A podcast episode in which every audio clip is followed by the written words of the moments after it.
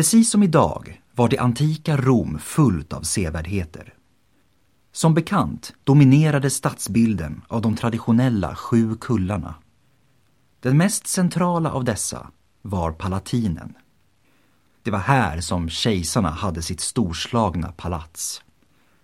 Norr om kullen låg Forum Romanum, stadens bultande hjärta. Söder om den låg Circus Maximus, romarrikets främsta arena för alla sorters skådespel. Men mitt bland elitens marmor stod en helt oansenlig gammal hydda av trä och halm. Den tjänade som ett minne över stadens grundande och det legendariska tvillingparet som var där när allt började. Romulus och Remus. Så lås vattnet och koka dörren för nu kör vi.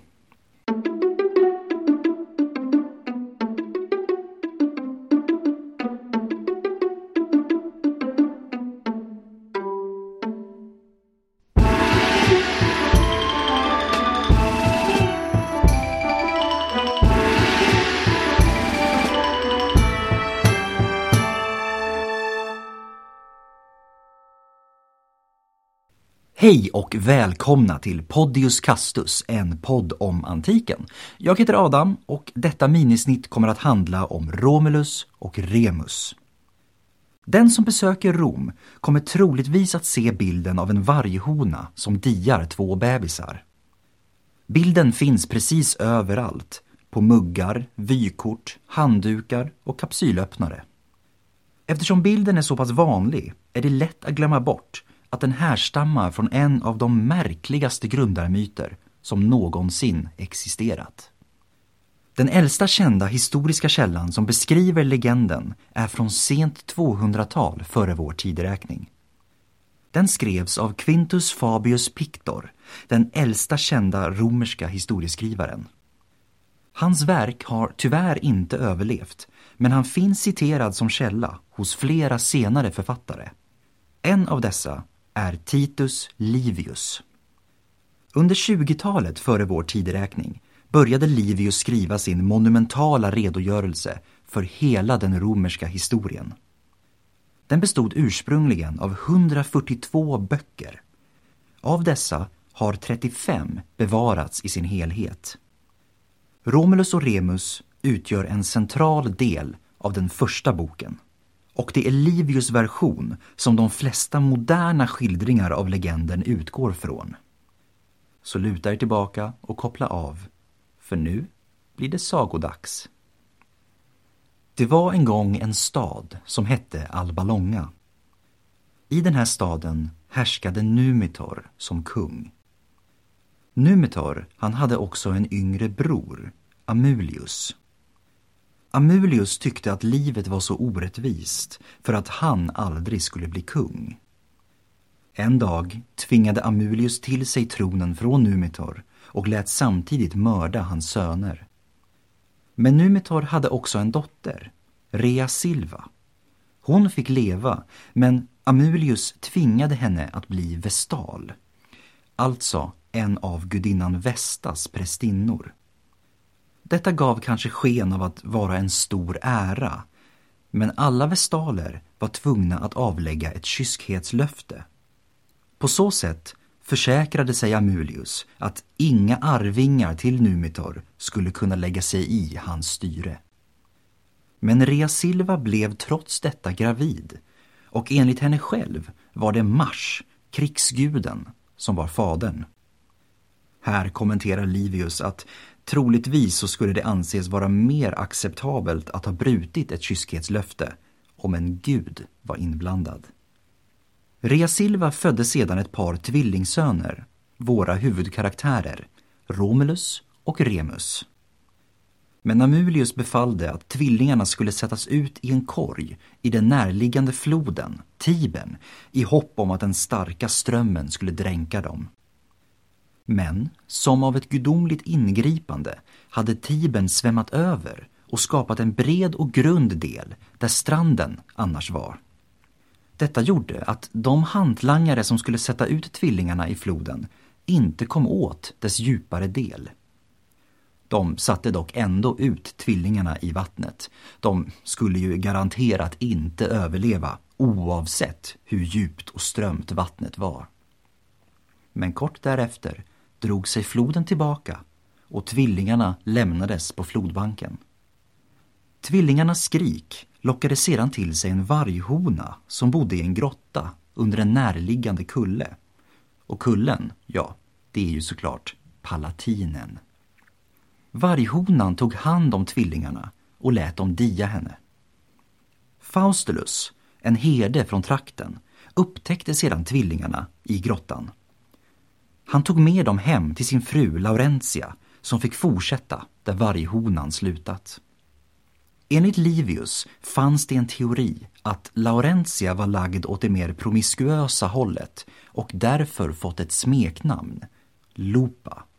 Och Lupa, det är latin för både varghona och prostituerad. Det kan därför ha skett ett litet missförstånd någonstans ut med vägen. Tvillingarna växte sedan upp i det lilla herdesamhället där Faustulus och Laurentia bodde. Redan från tidig ålder var de naturliga ledare och de fick snabbt ett följe omkring sig av jämnåriga unga män. Med sitt följe la de sig ofta i bakhåll för banditer och stal från dem för att kunna ge tillbaka till herdesamhället. Men banditerna blev därför såklart inte särskilt välvilligt inställda till tvillingarna. En dag la sig istället banditerna i bakhåll och en häftig strid utbröt. I vimlet blev Remus tillfångatagen och fördes till Amulius. Inför kungen anklagade banditerna Remus för att ha stulit från dem. Detta ledde till att Remus sattes i fängelse i Alba Longa. Men varken Amulius eller Remus visste vem den andra egentligen var. Faustulus hade länge misstänkt vilka hans adoptivsöner var. Han visste nämligen att kungen befallit att Rea Silvas söner skulle sättas ut i Tibern och att denna befallning sammanföll i tid med när han hade hittat tvillingarna. Faustulus delgav nu Romulus sina misstankar. Samtidigt, i Alba Longa, insåg den avsatte Numitor ungefär samtidigt detsamma. Han hade fått veta att kungens fånge som verkligen stack ut bland herdarna, hade en tvillingbror. De båda var dessutom i helt rätt ålder. Numitor närmade sig Remus med sin upptäckt. Och nu lades en fälla från två håll för den helt ovetande Amulius. Medan Romulus ledde herdarna mot Alba Longa organiserade Remus ett upplopp inuti staden. Händelserna nådde sitt klimax då Romulus dödade Amulius. De båda tvillingarna, nu återförenade, utropade sedan sitt stöd för Numitor, deras farfar, och Numitor blev återigen kung i Alba Longa. Det låter som om sagan skulle vara slut där, men vi har ju en sista episod kvar. En dag uttryckte Romulus och Remus en vilja att grunda sin egen stad. Staden skulle ligga i närheten av där de spolats upp på stranden och i närheten av det herdesamhälle där de sedan vuxit upp. Numitor, han godkände deras ansökan med glädje.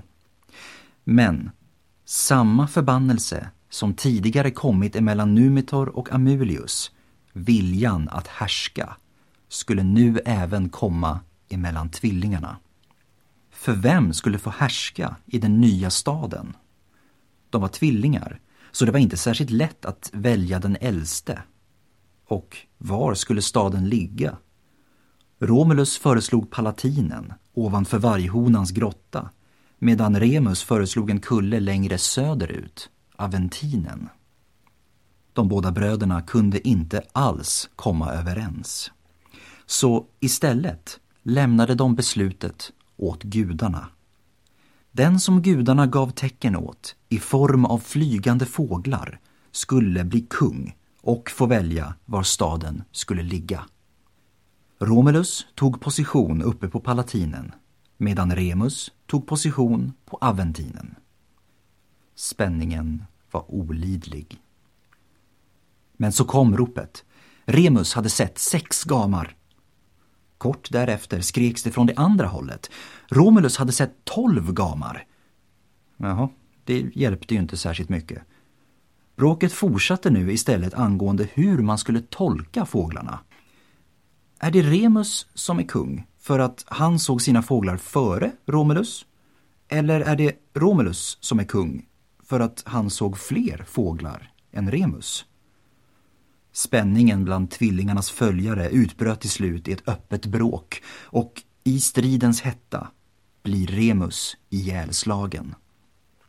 Livius noterar dock att det fanns en annan, vanligare berättelse.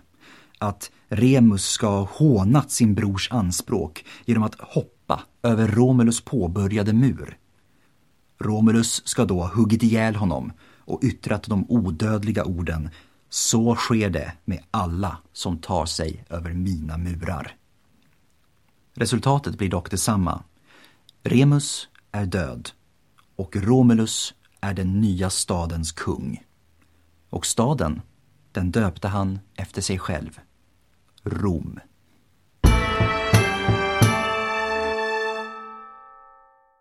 Men hur ska man då förstå den här legenden? För visst är det en legend, även om romarna själva ansåg att det i stort sett var historia. Gränsen mellan myt och historia under antiken är ofta ganska otydlig. Och detta är något som särskilt gäller när det kommer till det antika Rom och framför allt dess tidiga historia. Till att börja med fanns det nästan säkert inget grundningsögonblick för staden Rom. Istället har arkeologin stärkt tanken på en stad som gradvis växer fram över en längre tid.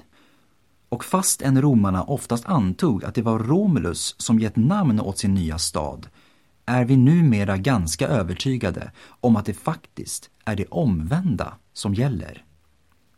Den hårda sanningen är att de romerska författarna faktiskt inte hade mer direkta bevis för Roms tidiga historia än vad vi har idag.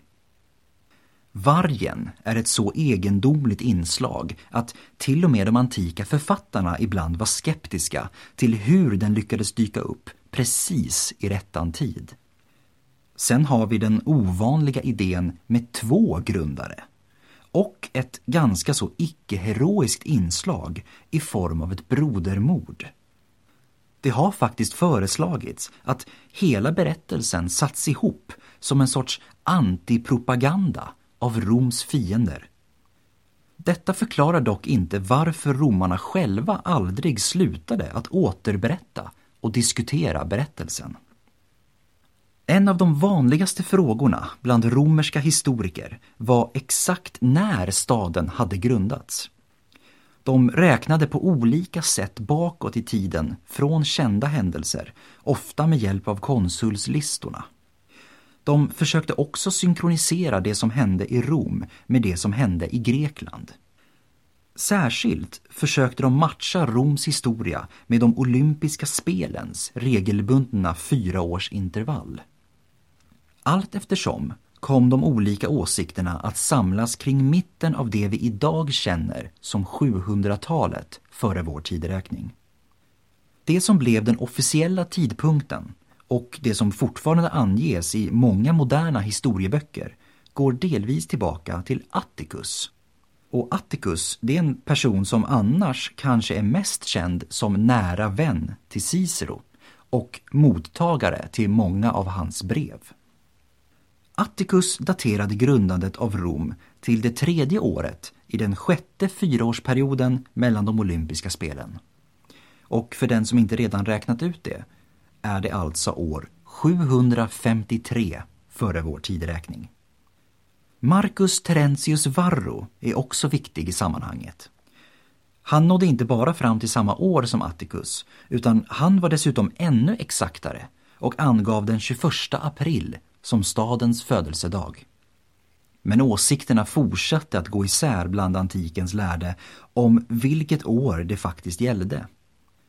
Allt mellan 758 till 728 har föreslagits.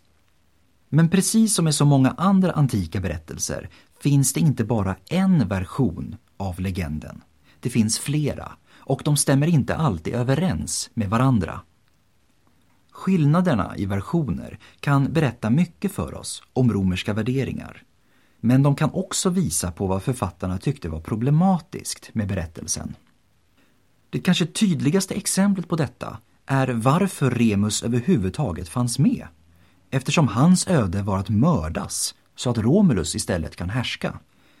För många romerska författare verkade just detta vara svårt att smälta och vissa valde faktiskt att helt utesluta Remus. I vissa versioner finns Remus med i början när de sätts ut på floden för att sen bara försvinna ur historien. Andra versioner låter Remus vara med hela vägen men utelämnar själva mordet och låter till och med Remus leva längre än Romulus. Det kan ses som ett sorts desperat försök att komma undan legendens dystra budskap att brodermord var en del av den romerska politiken. Var till exempel alla de åtskilliga inbördeskrig som drabbat romarna på något sätt förutbestämda?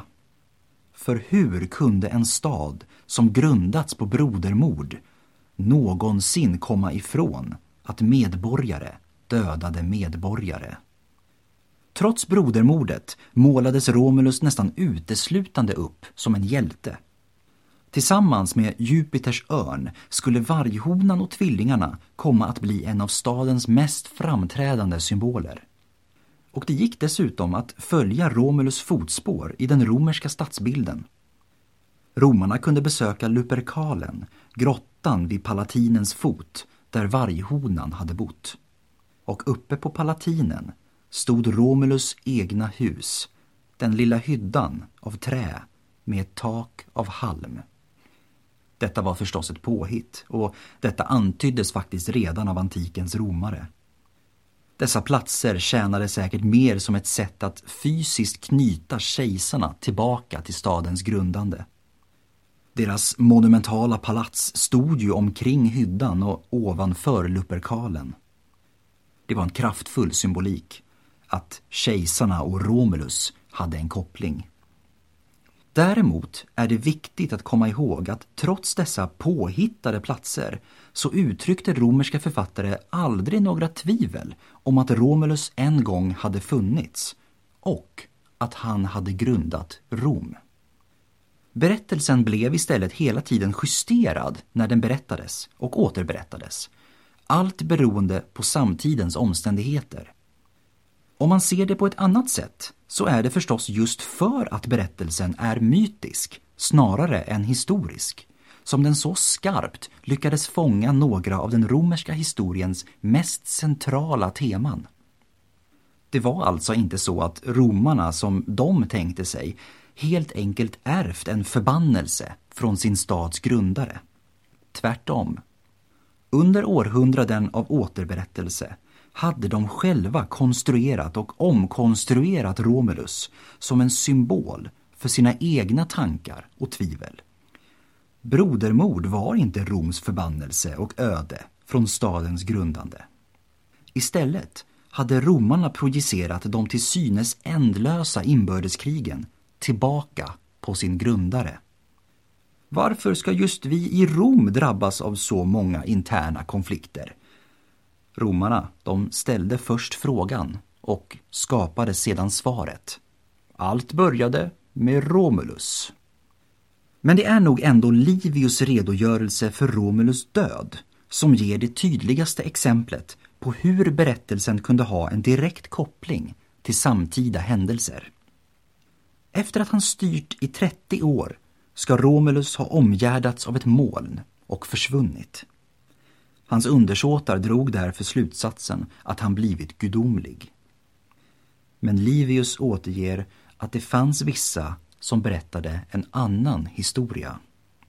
Att kungen blivit mördad, ihjälstucken av senatorer. När Livius skriver det här har det gått knappt 20 år sedan mordet på Julius Caesar. Caesar som både stacks ihjäl av senatorer och sedan förklarades ha blivit gudomlig. Att här missa Livius jämförelse mellan Romulus och Caesar vore att helt missa poängen med hela grundarmyten. Det var Rom som skapade sitt grundande snarare än att grundandet skapade Rom.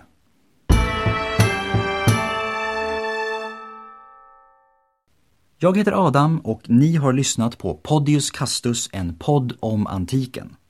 Följ oss gärna på Facebook och Instagram och vill ni komma i kontakt med oss kan ni även göra det på podiuscastus@gmail.com.